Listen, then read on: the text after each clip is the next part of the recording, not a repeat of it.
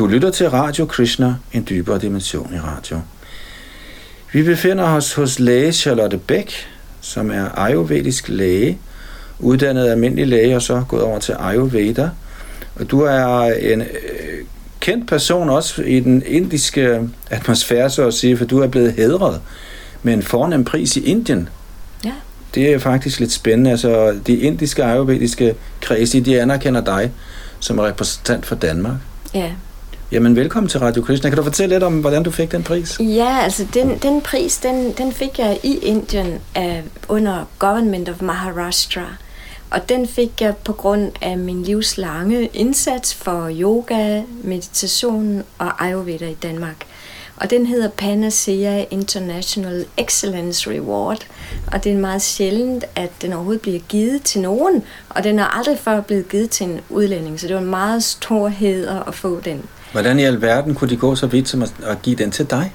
Det er fordi, der er nogle øh, Vaidyaer, altså indiske ayurvediske læger, som, Vaidya, jeg, ja, ja. som jeg har arbejdet med i mange, mange år. Og de har kendt mig tilbage jo fra siden 1980'erne, hvor jeg begyndte at studere ayurveda. Er det så lang tid siden? Ja, og okay. de har fulgt mig i alle de mange år. Jeg tog det første ayurvediske kursus, der overhovedet var i Danmark. Det var i 1984, og det var ved en Vaidya, der hed T.M. Gogte, og det handlede om fordøjelse og The Joy of Defecation taler han meget om. The Joy of Defecation? Ja, altså den, man skal af med det, ikke? Altså man skal have en god elimination, det var et af hans hovedpointer. Men, men det var egentlig det, jeg startede i 80'erne. Og så har jeg arbejdet jo sammen med indiske læger lige siden i mange, mange år. De har fulgt, hvad jeg har lavet i Danmark. Så det er den ene ting.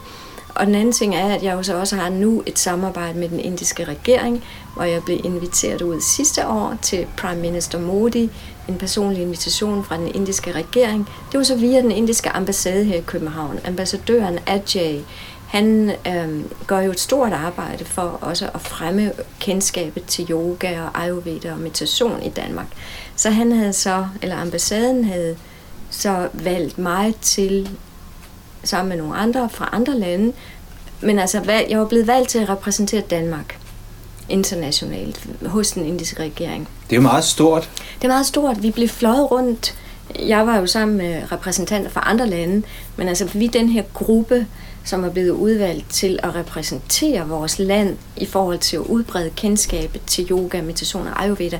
Vi blev fløjet rundt i Prime, Prime Minister Modis privatfly. Vi gik på røde løber alle vegne. Vi, vi gik i en blomsterregn af, af blomster, der blev drysset ud over os. Og vi var til middag og med ministerne og personlig møde med Prime Minister Modi. Så det var meget, meget fornemt det hele. Ikke? Interessant, og den danske regering har ikke rigtig anerkendt dig på den måde. Øhm, jeg har jo været inviteret som oplægsholder til Folketinget. Har du det? Ja, det har okay. jeg været, en, øh, hvor jeg skulle redegøre for de skadelige virkninger af elektromagnetisk stråling. No. Så, så på den måde har jeg jo været man kan sige, inviteret til at holde oplæg for Folketinget. Ja, okay. Men i Danmark er, er, er der jo ikke så meget interesse for Ayurveda fra man kan sige, de offentlige myndigheders side. Tværtimod er det jo sådan i øjeblikket, at der er kræfter, og jeg kan godt sige det, fordi det står i alle aviser, at det er jo det radikale venstre, specifikt sammen med Socialdemokraterne, der gerne vil have forbudt, eller i hvert fald kraftigt reduceret, alt hvad de kalder alternativ behandling i Danmark. Virkelig? Og det betyder alt, hvad der ikke i øjeblikket er inkluderet i det offentlige sundhedssystem. Og de har taget mange skridt til det her allerede. Et skridt, de har taget, det er at nedlægge Sundhedsstyrelsens hjemmeside med information om alternativ behandling. Et andet skridt, de har taget, det er, at de vil gerne have afskaffet det, der hedder, at man kan blive registreret alternativ behandler.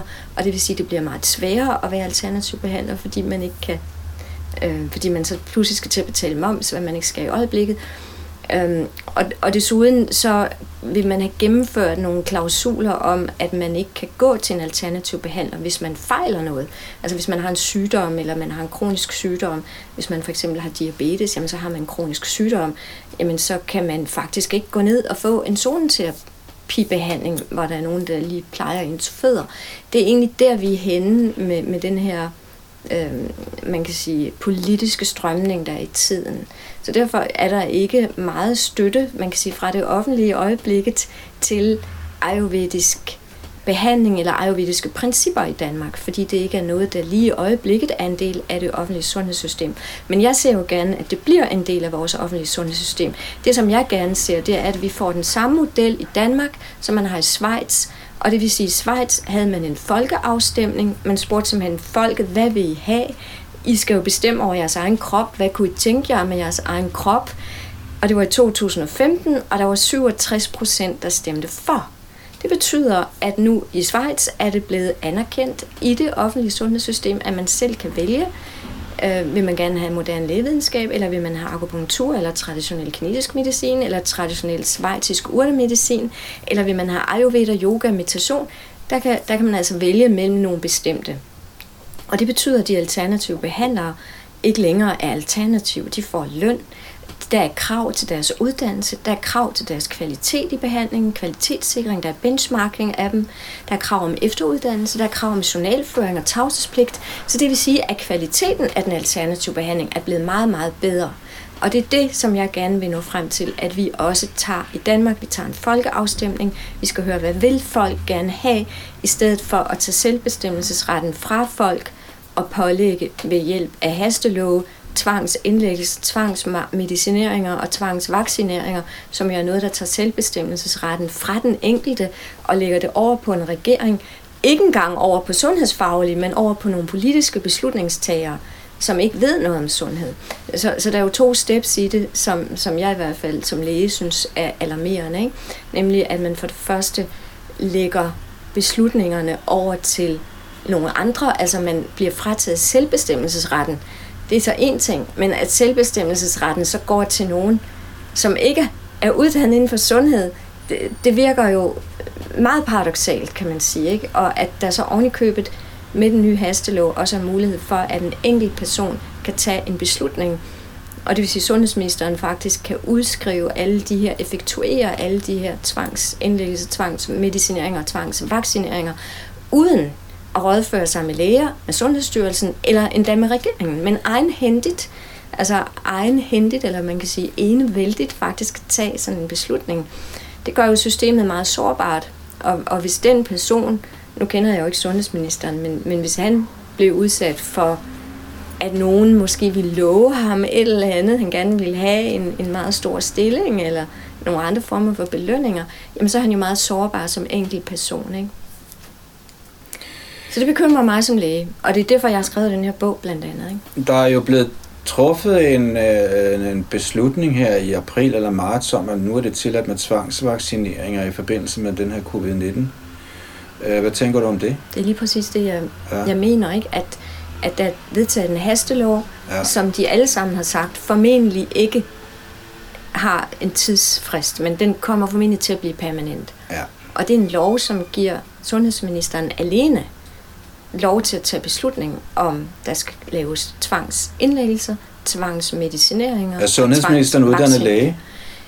Så vidt jeg ved, er han uddannet journalist.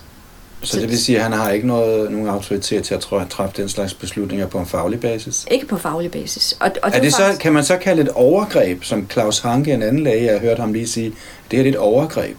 Altså det jeg i hvert fald vil sige, det er, at det er en tendens, kan man sige, hvor, som vi har set igennem mange år i øvrigt, hvor beslutningsmyndigheden inden for sundhedsvæsenet ikke ligger hos lægerne længere. Det ligger hos nogle andre. Det ligger hos djøfferne. Det, det vil sige, det ligger hos jurister eller poler, eller journalister, eller skolelærer, eller nogle andre, som sidder i en politisk position, og som ikke har nogen sundhedsfaglig baggrund. Og Nej, det men som er, er meget, politisk motiveret. De har en politisk dagsorden, og, og det gør det meget bekymrende for mig som læge at se på. Og vi kan godt tage nogle andre eksempler. Hvis vi nu tager stivkrampevaccinen, Mm-hmm. Nu taler vi ikke corona men stivkrampevaccinen.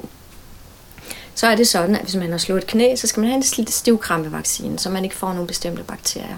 Men det kan man ikke længere få. Der er lavet en politisk beslutning mm-hmm. om, at man ikke kan få en stivkrampevaccine. Man kan kun få en stivkrampevaccine i kombination med en difterivaccine. Mm-hmm. Og difterivaccinen, den er fuldstændig unødvendig. Mm-hmm.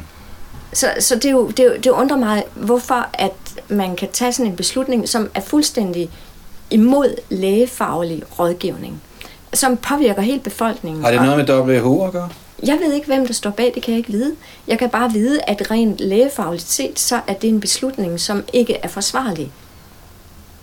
Fordi der er nogle, så, så der, nogen et eller andet sted, der gerne vil sælge en vaccine, ikke? Man kan jo se, at det i hvert fald er nogle andre end læger, der har taget de beslutninger. Ja. Det er bare det, jeg vil sige med det. Og jeg kan ikke vide, hvem det er, Nej. og jeg, jeg forstår ikke alle de teorier om, hvem der står bag i kulissen. Nej. Det ved jeg ingenting om, men jeg ved, hvad der er lægefagligt forsvarligt, og det der, det er ikke lægefagligt forsvarligt. Det er bare for at tage et eksempel, ikke? Men godt. der er mange andre eksempler.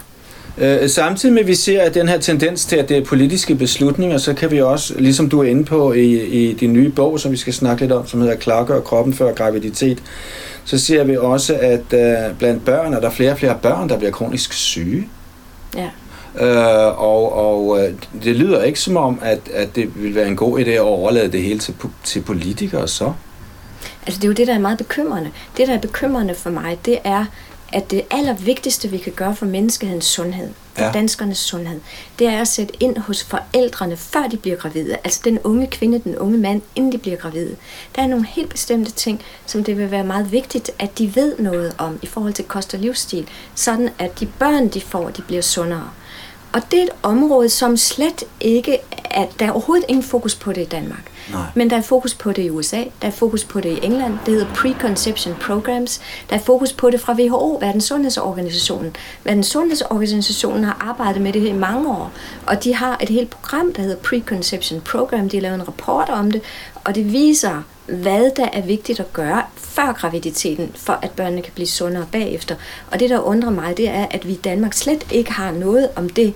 Og, og det, det ser jeg, det må simpelthen være et resultat af, at det ikke er læger, der tager beslutninger længere. Ja, ja, ja. Fordi det er ikke lægefagligt forsvarligt, at vi ikke har et preconception program i Danmark. Fordi det handler om de kommende generationer, det handler om kommende civilisationer. Hvordan bliver de børn, hvor sunde bliver de, og hvad med deres børn, hvor sunde bliver de så? Allerede nu ser vi en stigning i antallet af syge børn, som er alarmerende. Og jeg kan ikke forstå, at man som politiker eller sundhedsfaglig, hvis man skal sige det, men altså dem, der tager beslutningerne her, hvordan de overhovedet kan gå i seng om aftenen med ro i sindet, når de kender de her tal. Og jeg vil gerne forklare de her tal. I Danmark er der 10 procent af alle børn, der lever med en fysisk, kronisk sygdom. De kronisk syge 10 procent, 1 ud af 10. Oven i det, så er der 6 procent, der lider af psykisk kronisk sygdom. Ja.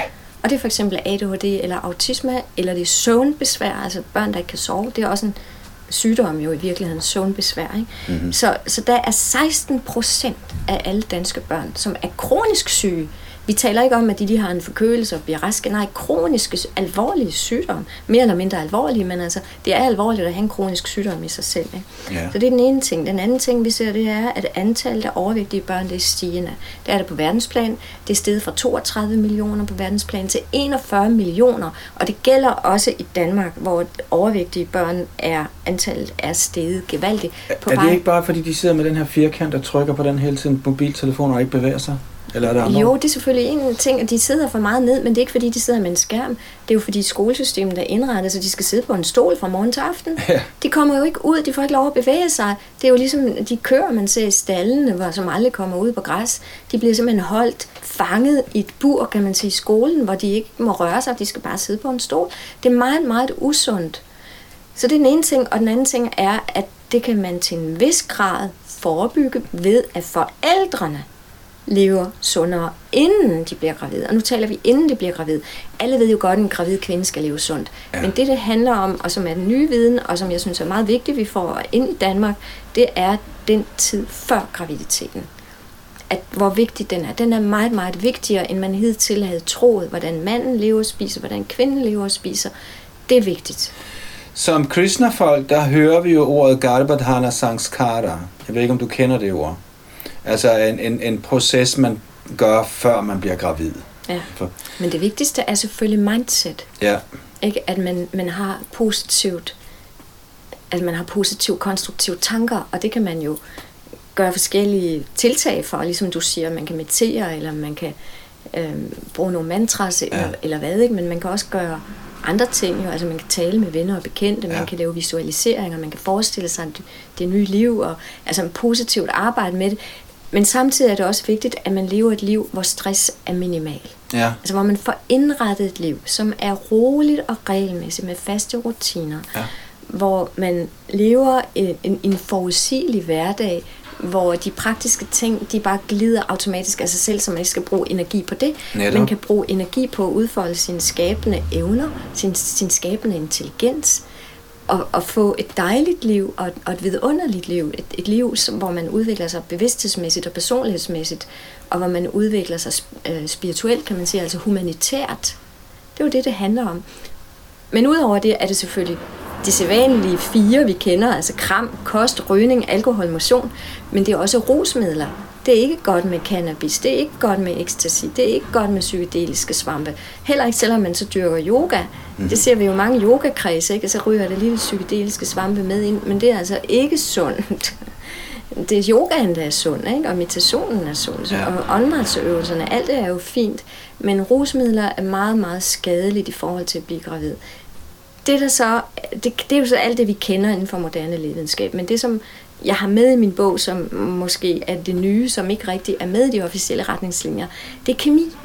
Kemi? Og det, ja, kemi og forurening. Aha. Altså, hvordan kemiske stoffer faktisk kan påvirke både kvinden og manden og, og svække deres helbred og skade deres sædkvalitet og ægkvalitet, sådan at barnet senere hen ikke bliver sundt. Det kan få astma, det kan få allergier, det kan få eksem. Der er eksempler på spaltedannelser, der er eksempler på børn, der bliver født for tidligt, eller har for lav fødselsvægt, eller for store babyer, hvor, hvor der er tendens til diabetes. Ja. Øh, så, så man ser altså konsekvensen af ikke bare kostrygning, alkohol og motion, men også forurening, kemi, det er pesticider, det drejer sig om, det er talater. Talater, ja. Og hvor er de pesticider? Jamen, de er i vores mad. Ja. De er vores bolig, de er vores miljø. Alt, hvad man køber nede i Matas eller i brusen, som står på hylderne, altså rengøringsmidler og creme til ansigtet og bruseshampoo og alt muligt, der er i dåser og flasker og sådan noget. Det er fyldt med kemikalier, og de kemikalier, det er det, vi kalder endocrine disruptors, det vil sige, det er hormonforstyrrende stoffer. Og så er det luftforurening og andre former for forurening. Det har man fundet ud af, hvis man er i, i forurenede omgivelser. Hvis vi nu tager kvinder, ja. som bor på landet, i frisk luft, der er ingen forurening, men de så bor i et hus, hvor det lige er malet, eller hvor lokalerne er nyrenoveret, så går det ud over de børns sundhed, når, hvis kvinden senere bliver gravid. Alt det her taler vi om, det er ikke under graviditeten, det er før graviditeten. Hvis alt det her sker, inden hun bliver gravid, så er der altså risiko for, at de børn, de ikke er sunde.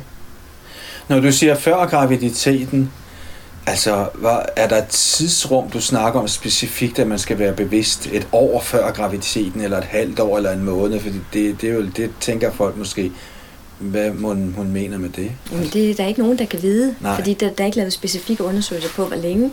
Så det kan vi kun gisne om. Ja. Men altså, der er lavet undersøgelser, der viser en virkning fra op til tre måneder før graviditeten, og der er andre undersøgelser, der er lavet op til to år før graviditeten. Aha. Og hvis det handler om mænd, så ved vi, at det tager tre måneder af den sæd, det tager tre måneder, mellem 60 og 72 dage, for sæd at blive dannet og modnet og udviklet. Og det vil sige, at man kunne jo godt, hvis man skulle være på den sikre side, sige, at i hvert fald tre måneder må være minimum. Mm, Men, ja. men man kunne godt forestille sig, at længere tid selvfølgelig vil være mere Jo gavnligt. bedre, jo læng- længere, jo bedre kan jeg vel forstå, at man lever sundt. Ja. Så, så det er den ene ting, vi ser. Den anden ting, vi ser i Danmark, det er jo antallet af astma- og allergibørn, det er stigende. Ja, det er forfærdeligt. Øh, altså det er omkring 10 procent af alle skolebørn, der har det, ikke? og der er 80 procent af skolebørn med astma, som også har allergi. Så det, totale stiger. Ikke? Øh, det samme gælder diabetes. Ikke? Der, har, der havde vi i Danmark 300 børn i 95 og i 2015 550. Det vil sige, det er faktisk en dobling på ganske få år af diabetes. Børn med diabetes. Diabetes er der to forskellige former. Der, der er en alvorlig type, man får som barn, og så er der sådan en mindre alvorlig type, man får. Man kalder det gammelmandsdiabetes. Men som Type 2. man får, hvis man er overvægtig senere i livet. Ikke? Men nu Er ser det sådan noget, som jeg kan risikere, for eksempel, ikke? når jeg nærmer mig de 60? alle, Ja. alle, vi kan alle sammen risikere Jo. det. Ikke? Men, men nu ser jeg bare, at det er alvorligt, når man får det som barn. Så skal man leve med det hele sit liv. Ikke? Så, så, så det ser vi også en stigning. Og alle de tal, de er bekymrende for mig. Og, men, men det, der er mest bekymrende for mig, det er, at der ikke bliver gjort noget for det. Altså, jeg, jeg synes jo, det er fantastisk, at vi lever i et samfund, der gør så meget for coronavirus. Jeg synes, det er fantastisk, at vi gør så meget for at forebygge en infektionssygdom. Men jeg synes jo også, at vi skal gøre lige så meget for alle de andre sygdomme, som vi har. Og det kan godt være, at de måske ikke er lige så akutte eller alvorligt akutte som corona. Det, det er jo klart, det er de ikke. Men de er også alvorlige, og der er også mange, der bliver syge. Og det, der er hele pointen her, det er, at man altså kan gøre rigtig meget i tiden inden graviditeten. Og hvordan gør vi det? Jamen, det er en politisk beslutning. Og det er det, der bekymrer mig. Det, der bekymrer mig i øjeblikket, er, at der ikke bliver gjort noget. Og, og det eneste, jeg kan konkludere som læge, det er, at det må være, fordi det ikke er læger, der tager beslutningerne i samfundet. Det må være nogle andre. Fordi hvis man var læge og sundhedsfaglig og så de her tal, så ville man sige, at vi skal sætte alt ind på at gøre noget for preconception period. Fordi det er det, der vil påvirke kommende generationer. Det er det, der vil påvirke børnene. Hvordan skal børnene... Vi kan jo ikke holde ud og se et barn, der er sygt. Det er jo det værste, man næsten kan se på som læge, men også som forældre og alle mulige andre, at se et barn, der er sygt. Det kan man jo ikke... Det, det er så tungt om hjertet. Så jeg kan ikke forstå, at man ser de her tal, hvor mange børn, der er syge, uden at gøre noget ved det. Det er derfor, jeg har skrevet bogen, fordi vi bliver nødt til som samfund at gøre noget nu, fordi tallene er alarmerende stigende. Og bogen, den går igennem, og så de ting, som man skal gøre. Det vil sige, du nævnte dem også øh, op, at holde op med at, at tage stoffer og, og leve sundt og, og bevæge sig. Og ja, så den, går, den gennemgår 10 trin, Ja. hvad man kan gøre. Ja. Og hvis man ikke kan overkomme noget, jamen så er der én ting fra hele bogen, som jeg siger, så vælg én ting fra hele bogen og gør den. Lidt af bedre end ingenting, mm-hmm. og bare kom i gang. Mhm. Og bogen, den kan fås hos dig. Den kan fås alle vegne. Saxo, Saxo? på nettet, alle vegne. Den Okay. kan fås hos Musmands forlag, hvor den Okay. er udgivet. Og den er på i alt øh, 300 sider. Den er 355 sider, så den er lidt tyk i det. Ja. Men det er jo fordi, der er farvebilleder i, som du kan se. Ikke? Der er jo ja. dejlige farvebilleder på hver eneste side. Der er billeder af, af alt det, man skal spise, og æbler og pærer og bananer, og der er billeder af nogen, der sidder og mediterer og laver yoga. Så der, så der er flotte farvebilleder hele vejen igennem. Og desuden så er der testimonials, det vil sige, der er udtalelser fra mange af mine patienter og kursister, som har været igennem og fulgt de her 10 trin og fortæller om, hvordan de pludselig er blevet naturligt gravide og har fået sunde børn, og hvor glade de er øh, i det hele taget, fordi de kan mærke, at de selv bliver sundere og får det langt, langt bedre. For eksempel en pige med PCO, der fortæller om, hvordan at hun faktisk er blevet helbredt for det ved at følge de her programmer, vi har herinde med de 10 trin. Så der er de også- 10 trin. Øh, er der, kan du bare kort redegøre for de 3 10 10 trin, eller skal vi lade folk læse bogen? Altså, det, ikke, det skal de se, når de læser bogen, men ja. vi kan da godt sige, hvad det handler om. Det første trin, det er planlægning. Ja. Altså, er man nødt til at planlægge, hvornår man gerne vil have børn. Ja. Selvfølgelig er det dejligt, når det sker spontant, men det vigtigste er at planlægge det, sådan at man kan planlægge det i god tid. Fordi mm, at det er vigtigt at klargøre kroppen. Så det er det første, det er planlægning. Og det nummer to, det så er barnet handler- også er planlagt og velkommen, det. det skal føle sig velkommen. Selvfølgelig skal det. Og kroppen skal gøres klar. Så kroppen er optimalt sund, når man får barnet. Ikke? Og, Ja. og det er klart jo, det bedste er jo at få barnet, når man er i 20'erne. Jo, Det ved vi alle sammen. det er ikke godt at blive for gammel. Nej, det er det ikke. Og det er der altså flere og flere undersøgelser, der peger på. Ja. Det, bliver, det bliver ligesom mere og mere tydeligt, jo flere undersøgelser, der kommer frem. For eksempel er der mange undersøgelser nu, der viser, at mandens alder er meget vigtigere, end man troede førhen. Hvis manden er over 45 år, så kan der faktisk være en øget risiko for, at kvinden, altså hende, der bliver gravid, får diabetes. Altså det kan påvirke kvinden selv, plus også barnets sundhed. okay. Så, så der er lavet mange undersøgelser nu, ikke? Og, og i Island er der en enkelt undersøgelse, der, der tyder på, eller den har i hvert fald vist, at for hvert år, der går, så kommer der to mutationer mere i mandens sæd, Gud. spontant. Nå. Øhm, altså for hvert år efter en vis alder, ikke? Altså, det var som, som man alles som mand, så sker det naturligt. Er det, ja, du siger? ja det, Nå, okay. det sker for alle naturligt. Ja. Bare fordi alderen er der. Ja, Så, så, så, så efter en vis alder. Så, så det ved vi alle sammen, at det er bedst i 20'erne. Så det, det er Ja. så det første. Ikke? det tror jeg, alle kan blive enige om. Det andet trin, det handler om kemi. Ja. Altså at undgå kemi på alle mulige forskellige måder, fordi det er de hormonforstyrrende stoffer. Det er dem, der kan påvirke. Og der er der alle de her undersøgelser, der viser en negativ virkning af pesticider og talater, medicin af forskellige arter, stråling. Alt det, vi, vi, får, vi bliver udsat for forurening, hvordan det kan påvirke barnets sundhed. Så det er ikke fordi, man skal tænke på sig selv. Og det er det, jeg vil anbefale, det er, at man skal ikke tænke så meget på sig selv. Man skal være mere uselvisk og tænke på barnet. Mm. Barnets sundhed, hvad det bliver det for et barn? Fordi vi ser jo i øjeblikket, at mange jagter graviditeten. De vil bare være gravid, de vil bare være gravid. De jagter det øjeblik, hvor de kan sige, nå, nu lykkedes det. Men, men det er jo ikke det, det handler om. Det handler om, hvad er det for et barn? Hvordan bliver det barns liv? Hvordan Ja. bliver det barns sundhed? Og derfor er man nødt til at starte i god tid. Man er nødt til at slå koldt vand i blodet og forberede kroppen ordentligt og sørge for selv at blive sund, inden man kan forsøge sig med at blive gravid. Og det betyder, at hele den her viden, jeg har her, det er så den, jeg meget gerne vil have ind i seksualundervisningen i skolen, sådan at børnene får den her viden, de bliver undervist i sundhed, at de får at vide, hvad er nødvendigt, sådan at de har det i baghovedet, sådan at de ved det, sådan at de ved, når de bliver teenager, at det ikke er en god idé at lægge druk hver eneste weekend og leve med søvnunderskud og hvad det ellers er, øh, og stress, fordi at alt det faktisk går ud over deres kommende børn. Det vil sige, at alle de her ting, de skaber det, man kalder for armer. De, skal, de skaber AMA, men de, de, vi kan jo måle det direkte. Altså AMA betyder ophobning af restprodukter. Ja. i kroppen, eller, eller negative produkter i kroppen. Altså i hvert fald ved vi, at der er en, en lang række af de her kemikalier, som har en hormonforstyrrende virkning. Og de her hormonforstyrrende virkning, det betyder, at de påvirker altså vores reproduktive system. Det var trin nummer to. Det var trin nummer to. Så kommer trin nummer tre, det handler nemlig om stress. Aha. Det handler om, hvor vigtig stress er, fordi vi ved, at stress det påvirker sædkvaliteten, ligesom talater påvirker sædkvaliteten, pesticider påvirker sædkvaliteten hos mænd. Det er meget, meget vigtigt med sædkvaliteten jo i forhold til, at barnet bliver sundere. Så trin 3, det er stress. Og der ved vi for eksempel, der er lavet undersøgelser, der viser, at mandens sædkvalitet kan afhænge af, hvordan hans mor havde det, da hun var gravid med ham. Mm. For eksempel har man vist, at hvis kvinden, den gravide kvinde, bliver udsat for tre events med stress under graviditeten, så fører det til, at hendes søn, når han bliver 20 år gammel, har nedsat sædkvalitet Mhm. mm-hmm. og nedsat niveau af testosteron. Det er ikke godt. Så derfor skal vi skal som samfund sørge for, at unge mennesker ikke er under stress, fordi det går ud over deres børn. Nedsat niveau af testosteron. Ja. Uha, uha. Det er både nedsat testosteron og nedsat sædkvalitet. Ja. Det er ikke godt. Og det er en stor undersøgelse med flere tusind deltagere. Okay. Det er ikke bare en lille pilotundersøgelse, Nej, nej, den er fint, fra fint. Nej, men altså, Øh, den røde, der lyder Så, så rigtig det er en undersøgelse, og- men selvfølgelig har vi ikke mange undersøgelser med mange tusind, det er ikke på det niveau, men der er en stor undersøgelse, der viser det. Ja. Så kommer det næste trin, nummer 4, det er kosten. Kost. Sund kost. Ja. Skal man være vegetar? Det er bedre med Ja. ja. plantebaseret. Vi er jo altid for vegetarisme. Laktovegetarisme. Ja, laktovegetarisk, det, det er Ja. det optimale.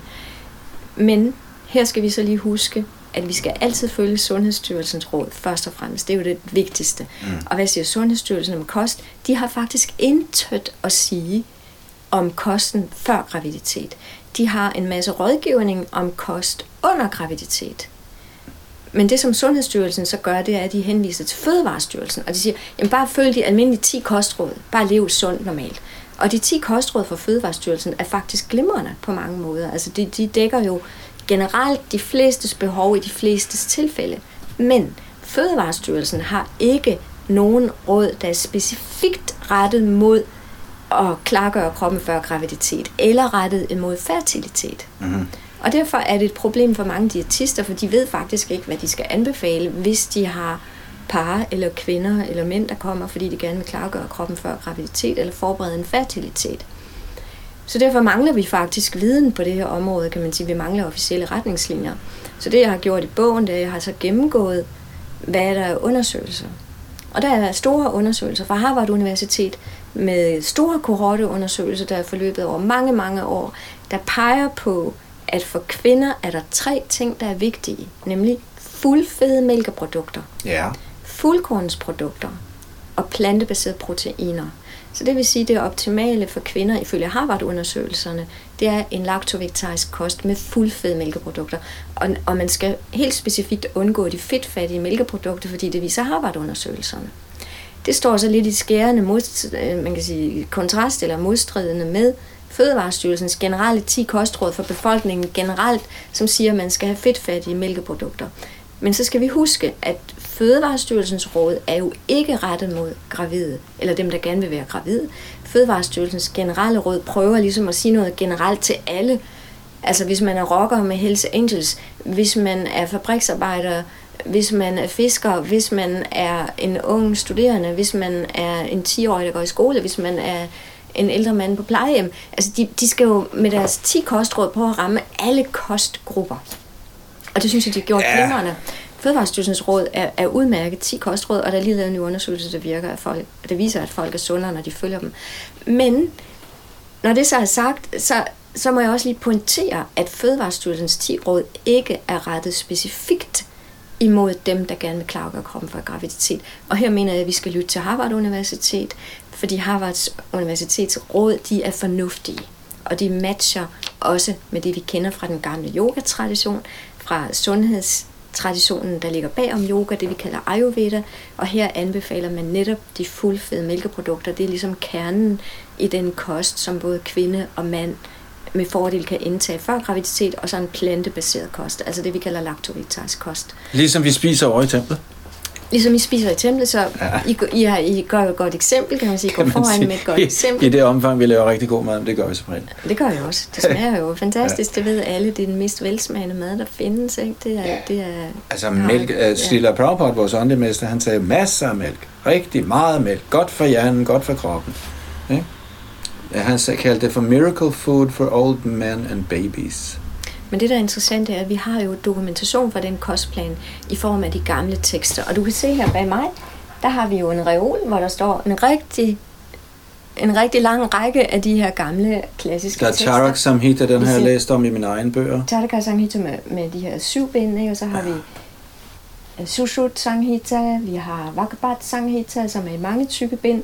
Det er de tre hovedværker, og så er der 10-15 sideværker, som jeg også har her, mange af dem. Sangadara Sanghita, Bhav Prakash, Harita Sanghit, Bel Sanghit, Kashyap Sanghit. Så på den måde er der mange sideværker også. Men, men man kan sige, er det så dokumentation, at vi har nogle gamle tekster, som er tusind år gamle? Og svaret det er ja. Yeah. Det er faktisk lægefaglig gyldig dokumentation. Fordi der findes et EU-direktiv fra 2004, og det kan jeg lige vise dig her, fordi jeg har faktisk printet det ud, så du kan se det her. Jeg vil gerne vise det frem det, det siger, at, at, at al behandling kan faktisk bygge på lang tids anvendelse og tradition. Det vil sige, at behovet for kliniske undersøgelser egentlig falder væk. Nu har, nu har jeg fundet det frem, der kan du se med alle EU-stjernerne for oven. Ikke? Det siger faktisk, at behovet for kliniske undersøgelser falder væk, hvis behandlingens mulige effekt hviler på lang tids anvendelse og tradition. Det må jeg jo sige, at Ayurveda har en, en fordel der. Det er jo meget Det er gammel. yoga, det er meditation, ja, ja. det er Ayurveda, det er det gamle, gamle, vi det har. Det var jeg ikke klar det er spændende. Det er meget spændende, og det vil sige, det gælder jo i hele EU. Og så længe Danmark er medlem af EU, så gælder det her som lægefagligt gyldig dokumentation. Det står i EU-direktivet fra 2004, men det står også i Medicinsk Kompendium for læger, som jeg har stående her. Medicinsk Kompendium er den absolute, man kan sige, gå så en bibel for lægerne. Det her, vi har den ultimative rettesnor eller protokol, og der er det nævnt netop det her med EU-direktivet fra 2004. Oh. Så derfor er det også, man kan sige, det er gyldig dokumentation. Men så er der en tredje niveau af dokumentation, fordi alle vil jo sige, er det dokumenteret, er det dokumenteret? Det er jo det, al diskussionen går på i dagspressen. Og, og her vil jeg så nævne, at vi har faktisk en tredje form for dokumentation. Hvis man bare siger, at undersøgelser har vist, så, så er der ikke nogen, der anfægter, hvad man Nej, siger. Ja, men jo, det gør de så alligevel, for de siger, nej, det er ikke dokumenteret. Siger. Selvom der er undersøgelser, så er der nogen, der siger, at det er ikke dokumenteret. Det ah, betyder, ah, okay. at de ikke er enige i de undersøgelser, eller de ah, okay. synes, de undersøgelser ikke er gode nok. Ja, ja, på den måde, ja. Men det er, en forkert, det er forkert at afvise undersøgelserne. Yeah. Og bare sige, at det er udokumenteret, hvis der er undersøgelser. Hvis der er publicerede undersøgelser, så er det per definition dokumenteret. Det er per definition evidens. Mm. Og evidensbaseret. Jeg har også lavet den her model, som du kan se. Ikke? Den viser, hvordan evidens Dokumentation, det betyder, at man har en kilde i form af en, en af de her tre elementer, nemlig at man enten har publiceret videnskabelige undersøgelser, eller man har EU-direktivet, det vil sige noget, der bygger på langtidsanvendelse tradition, eller man har testimonials fra cases, det vil sige klientberetninger. Fordi det er den tredje form for dokumentation. Den har jeg også med i bogen. Ja. Den tredje form for dokumentation, det er klientberetninger. Og det er også lovlig dokumentation. Det er stadfæstet ved en dommerkendelse i en sag om akupunktur. Der bliver det stadfæstet, at selvfølgelig skal der være dokumentation, når man siger noget sundhedsfagligt. Men denne her dommerkendelse siger, at dokumentationen kan også være klientberetninger. Så der er altså faktisk tre muligheder for dokumentation, som vi ser her. Ikke? Okay, fantastisk. De tre, altså publiceret videnskabelig undersøgelse, EU-direktivet, langtidsanvendelse og tradition, og Ja. det tredje, det er klientberetninger. Men der står Ayurveda jo egentlig ret stærkt. Ayurveda står stærkt, fordi Ayurveda har faktisk alle tre. Ja. Og moderne lægevidenskab står egentlig ret svagt, fordi Ja. at moderne lægevidenskab har ikke langtidsanvendelse og tradition. Og det betyder jo også, at der er mange, i hvert fald patienter, der kommer op til mig, som fortæller, at de egentlig er ved at miste tilliden til moderne lægevidenskab. Moderne videnskab, lægevidenskab har det med at skulle patentere produkter og sådan noget, og derfor afviser man meget naturligt, jo, for det kan jo ikke patenteres. Det undrer i hvert fald mig som læge, at der er nogen, der tager afstand fra naturen. Ja.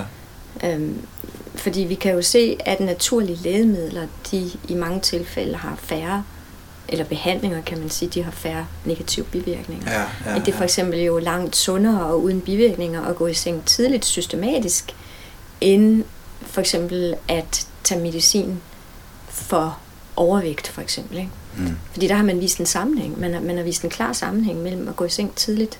Altså der, er- det er simpelthen en, en klar sammenhæng. Hvis man går i seng tidligere, så er der mindre risiko for overvægt. Det er sjovt. Ikke? Så, så det er jo en, en gratis ting, og der er ikke nogen bivirkninger. Men, men det var egentlig der, man burde sætte mere ind som samfund. Altså lad være, og alle butikkerne har åbent sent om aftenen og om natten, og, og alt det der, der foregår om natten, og nattearbejde og nattevagter. Og i stedet for at hjælpe alle til at gå i seng tidligere, fordi så kan vi altså forebygge.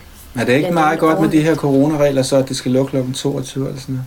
Det har i hvert fald vist sig at være rigtig godt for, for tidlige fødsler. Mhm. Man har jo set med coronarestriktionerne, at de for tidlige fødsler er reduceret med 90 procent. Det er spændende, ikke? 90 procent, fordi der er mere ro over samfundet. Ja. Og formentlig også derfor mere ro over kvindens liv og krop og helbred.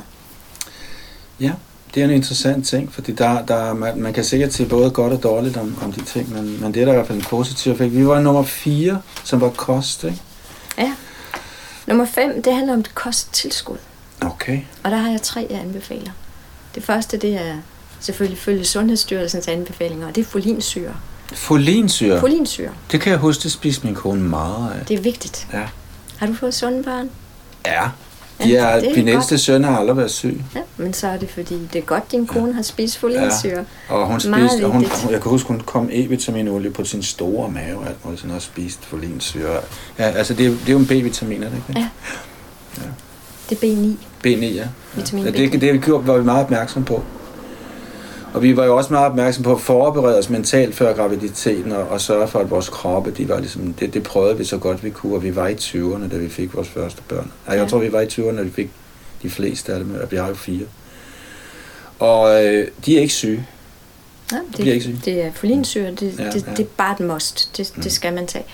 Og så, og så de to andre, og så, og så er der nogle andre, når kvinden så er blevet gravid, så, så er det så zink og jern og vitamin D, der kommer noget andet. Men Mm. det er først, når hun er blevet gravid fra Sundhedsstyrelsens side. Jamen, det fulgte vi også, kan jeg huske. Ja. Ja, det gjorde vi. Så, så det er den ene ting, det er følge Sundhedsstyrelsen. Og så har jeg to mere. Det andet, det handler om det, jeg kalder Bix vitaminbombe. Og det er en vitaminbombe, jeg har designet, som består af mad. Becks vitaminbombe. Ja. Så man, egen. kommer, så man kommer væk fra piller og tabletter, men spiser mad. Man spiser sig til vitaminer og mineraler og de sunde sporstoffer. Okay. Så der har jeg designet sådan en mix, man laver om morgenen. Og det, Og det er blåbær. inde i bogen der. Det, det er i bogen, men det, jeg kan godt sige, det er blåbær, det er hvedekim, og det er honning, og, og mandler og valnødder. Altså, der er sådan en lille blanding der, man laver om morgenen. Hvad sagde du? Blåbær, hvedekim og Ja. mandler? Og valnødder. Jeg kan, og valnødder. Jeg levede Og af blåbær som knægt op i Nordsverige. Ja. Vi var ude i skoven og spiste blåbær hele med helt blå hele hovedet. Det er derfor, du også er sund nu jo. Ja. Alle de blåbær. som barn.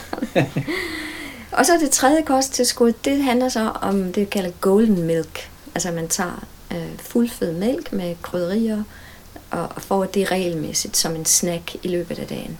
Du kalder det golden milk? Golden milk. Det er fordi, der er gurkemeje i. Ja. Så bliver det gyldent. Øh, Jeg har også hørt, at man kan komme safran i, men det skal være gurkemeje helst. Safran er bedre. Er bedre? Absolut bedre. Safran er, absolut, absolut optimalt, Ja. og gurkemeje er en erstatning for safran. Der er faktisk lavet en undersøgelse, der tyder på, at safran gavner mænds sædkvalitet. Mm. Men udover det, så er det jo fra de gamle tekster, der er det det, man anbefaler. Det er den her golden milk. med, med safran, kardemomme og vanilje. Vanilje? Ja. Wow, det vil jeg prøve. Så det var nummer 5. Nu kommer jeg til nummer 6. Det er kvinden, specielt for kvinden, og nummer 7 det er specifikt for manden. Og det, der er specifikt for kvinden, det er, at vi har et program under menstruationen. Det vil sige, at der er en særlig livsstil og en særlig kost for kvinden under menstruationen. Menstruation? Som er gavnligt for hende at følge under menstruationerne. Kun de tre dage under menstruation. Ikke resten af måneden. Der kan man bare leve normalt, et normalt liv, og få, komme ud og få motion og leve et dynamisk udadvendt liv, men de tre dage under menstruation er der et specifikt program.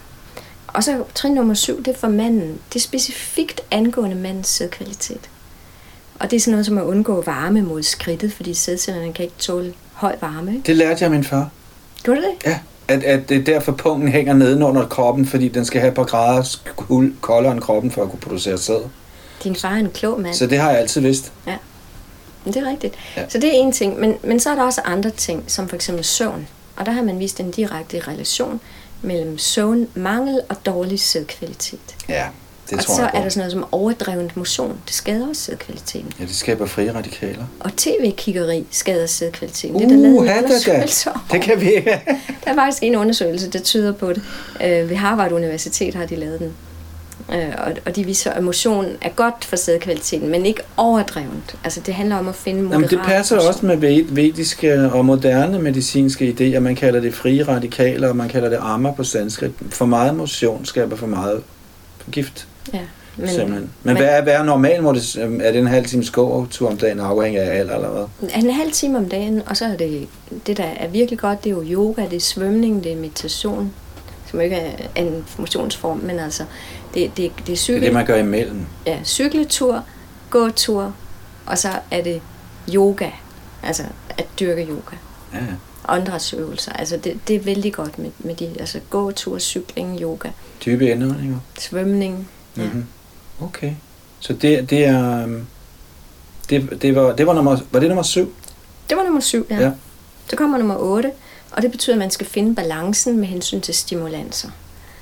Og det er, nok det, der, det er nok det sværeste for de fleste, ikke? Ja, det er at komme væk fra stimulanserne, fordi vi er så overstimuleret hele tiden. hele tiden kaffe. Men alle undersøgelser uden tvivl viser, at de unge, inden de bliver gravide, skal helt væk fra alkohol, cannabis, ecstasy, psykedeliske svampe.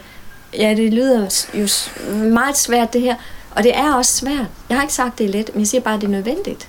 Jamen, jeg tænker på, at ja, psykedeliske svampe og ecstasy, det kan vel ikke være som jeg tænker på alkohol i Danmark. Det er næsten umuligt at fjerne. Jo. Det er meget svært, men det er nødvendigt. Ja. Det er så vigtigt, og det er der, det er der ingen tvivl om fra undersøgelserne. Så derfor skriver jeg også her i bogen, at det kan man ikke klare selv. Der er ingen, der kan klare det selv. Man er nødt til at have hjælp. Okay. Man er nødt til at have hjælp, men heldigvis er der jo gratis hjælp gennem alle kommuner. Ja. Der kan man få hjælp. Der er gratis psykologhjælp, der er gratis øh, institutioner, der er ophold alle mulige vegne, så det- man kan få hjælp. Alle kan få hjælp Men er det ikke et, altså under overfladen et enormt problem med druk i Danmark? Altså alkohol som, som rusmiddel? Og udover alt det andet, cannabis og det, hvad folk ellers bruger. Men er det ikke et meget stort problem? Tabu? kæmpe stort problem. Ja. Og det er også et tabu. Ja. Altså man må dårligt nævne det, fordi de unge skal jo lære at drikke alkohol. Nej, de skal ikke lære at drikke alkohol. De skal lære at lade være. Det er det, det handler om. Og når de så har fået alle de børn, de har fået, så kan de så drikke, hvad de vil. Ikke? Det er der, man skal hen optimalt set, hvis vi virkelig skal optimere sundheden for kommende generationer. Og det er det, som jeg ønsker. Det er det, som er mit dybeste ønske. Jeg er drevet af næste kærlighed. Jeg er drevet af kærlighed til kommende børn, deres børn, kommende generationer, kommende civilisationer. Det er det, jeg ser ud i fremtiden. Det er min vision. Og det er det, jeg skriver ud fra. Ja, fordi nu lige ser det ud som om, det går den, lidt den forkerte vej, jo. Det går altså, den forkerte vej, ja. ja. fordi i Danmark er der flere, der drikker og ryger, mm. end i hele resten af Europa blandt unge. Ja, og Altså, det er helt uhyggeligt at se på, Er taget over. hvordan unge mennesker drikker, som om det er helt normalt. Og, Og, jeg de sidder mener og jo, bælter der sig i det. jeg mener, at det er fordi, de er stressede. Det må det jo være. Det er på grund af stress. Ikke? De, Men de sidder tager- alt for længe i skolen. Ja. Der kræves for meget af dem. Der er for mange eksamener. Det er for hårdt. Ja. Ja. Simpelthen konkurrencen og 12-talspigerne og alt det der. Ikke? Det, det, det er alt for hårdt. Så, så det skal vi væk fra som samfund. Og igen, mm. det er politiske beslutninger. Ja. Det er politiske beslutninger, og de beslutninger kan vi tydeligt se er ikke taget af læger. Fordi det der, det, der sker med livet for børn og unge i øjeblikket er absolut ikke sundt. Nej.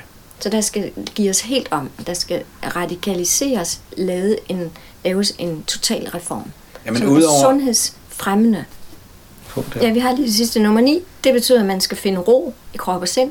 Det handler om yoga, afslappning og meditation. Og trin nummer 10, det handler om at skabe velvære.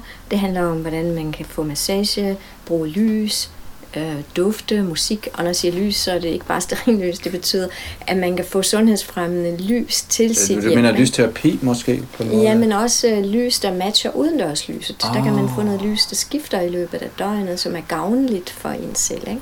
Har du nogen idé om, hvad det for eksempel kunne være sådan for at konkretisere det? Philips har en syst- nogle systemer, man kan købe, Aha, okay. øh, som, hvor, hvor det matcher det udendørslys. Det bruger man på hospitaler allerede nu. Nå. Og man bruger det også på visse flyruter, Godt, hvor man okay. altså hjælper til, at man kan undgå jetlag ved at justere lyset, så det matcher det udendørslys. Så det er det gammeldags, hvor man sidder ved sådan en, en olielampe om aftenen, fordi man ikke har elektricitet. Eller, ja. Den tid der, den, den, den var der også engang jo, Ja. hvor man ikke havde de muligheder for den slags ting, og, og alligevel så fik folk jo sunde børn. De gik i seng med hønsene. Ja, det er det. tidligt i seng. De stod op klokken 5 og så ud i marken. Og så havde de bare mad til frokost. Middagsmad. Altså mad til middag. Middag, ja. Det var meget 12. sundere, ikke? Meget, meget sundere. Det er også det, Ayurveda siger, spis den store, det store måltid middag kl. 12. Og det er jo noget andet, vi kan se i skolerne. De mangler varm mad til frokost. De børn har brug for varm og nærende mad til frokost, hvor de har brug for det midt på dagen, og ikke når de kommer hjem klokken 6. Det er jo for sent. Der er dagen jo gået, og de skulle have brugt den varme mad. Ikke? Mm. Så de har brug for at få god, ordentlig varm mad om morgenen, gerne pandekager, og så har de brug for at få mad til frokost. Når jeg siger pandekager, så betyder det madpandekager. Ikke? for eksempel. Men altså ordentlig nærende varm mad om morgenen, eller grød for eksempel, eller ristebrød med hummus og flødeost, at de får ordentlig mad med ordentlig næring, med ordentlig protein, sunde proteiner, og så til frokost et ordentligt varmt, nærende, fuldgyldigt måltid. Ja, de kan ringe til Govindas Catering på Boulevarden og få det leveret. Det synes jeg er en rigtig god idé, fordi det, det, det er det lækkerste mad, jeg overhovedet nogensinde har smagt. Det er så lækkert og velsmagende. Og når jeg har fået det til mine kursister, så har de været fuldstændig salige. Ja. Men det er jo også, vegetarisk bliver også indvidet. Så er der en lille ekstra krydderi af ånd i det.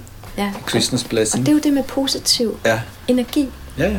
Kan man også kalde Jeg kan huske første gang, jeg spiste prasad, kalder vi det jo. Altså Guds nåde, den mad der. Jeg kan huske, jeg blev høj. Første gang, jeg spiste prasad. Jeg kom ind i Govindas restaurant, det var i 1980. Jeg var 18. Og jeg havde hørt, der var noget specielt ved den her mad. Jeg havde hørt det i radioen, og så skulle jeg ind og prøve det. Jeg blev høj af det. Sådan på en god måde, ikke? På en dejlig måde. Men det var de 10 punkter i din bog, og øhm, ja. den kan man altså købe. Den hedder Klargør kroppen før graviditet. Ja. Har du noget, øh, ja, du har måske lige mere at sige om ja, det? det jeg vil sige, det er, at det som jeg virkelig gerne vil opnå med den bog, det er ikke bare, at børnene kan blive fri for symptomer, men at de kan opnå en tilstand af virkelig sundhed. Og den er defineret af WHO, Verdens Sundhedsorganisationen. WHO definerer sundhed, som jeg har, du kan se, jeg har printet ud, så du kan se det her. Ikke? Sundhed er en tilstand af fuldkommen, læg mærke til det, fuldkomment fysisk, fuldkomment mentalt og fuldkommen social velvære. Og ikke kun en tilstand af fravær af sygdom eller svaghed. Mm-hmm.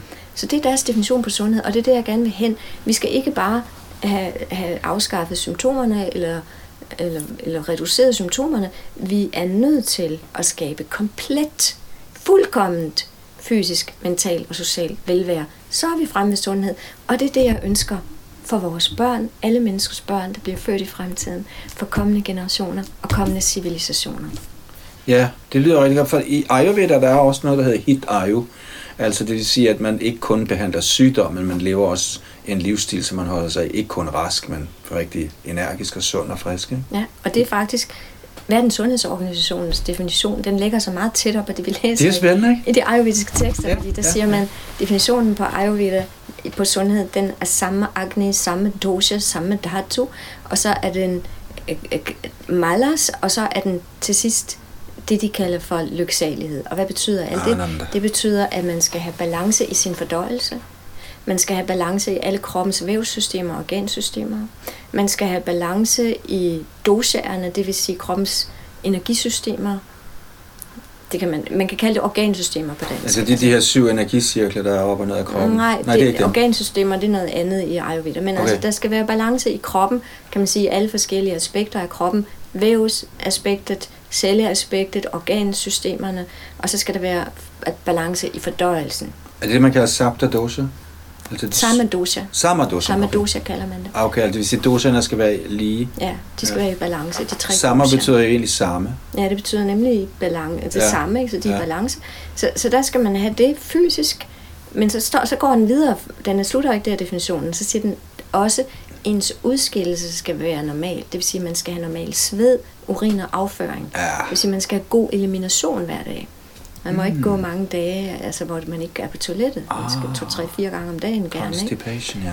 Så, så det, er den, det er den næste. Og så slutter det med at sige, og at ens sanser, sind og sjæl er fyldt med lyksalighed mm-hmm. hele tiden. Ja, Det er den ayurvediske definition. det bliver man nødt til at, at meditere og sige Hare Krishna, Hare Krishna, Krishna Krishna, Hare Hare, Hare Ram, Hare Ram, Ram, Ram, Hare Hare. Du Så kommer der en Du anden. ser altid glad ud, når du siger det.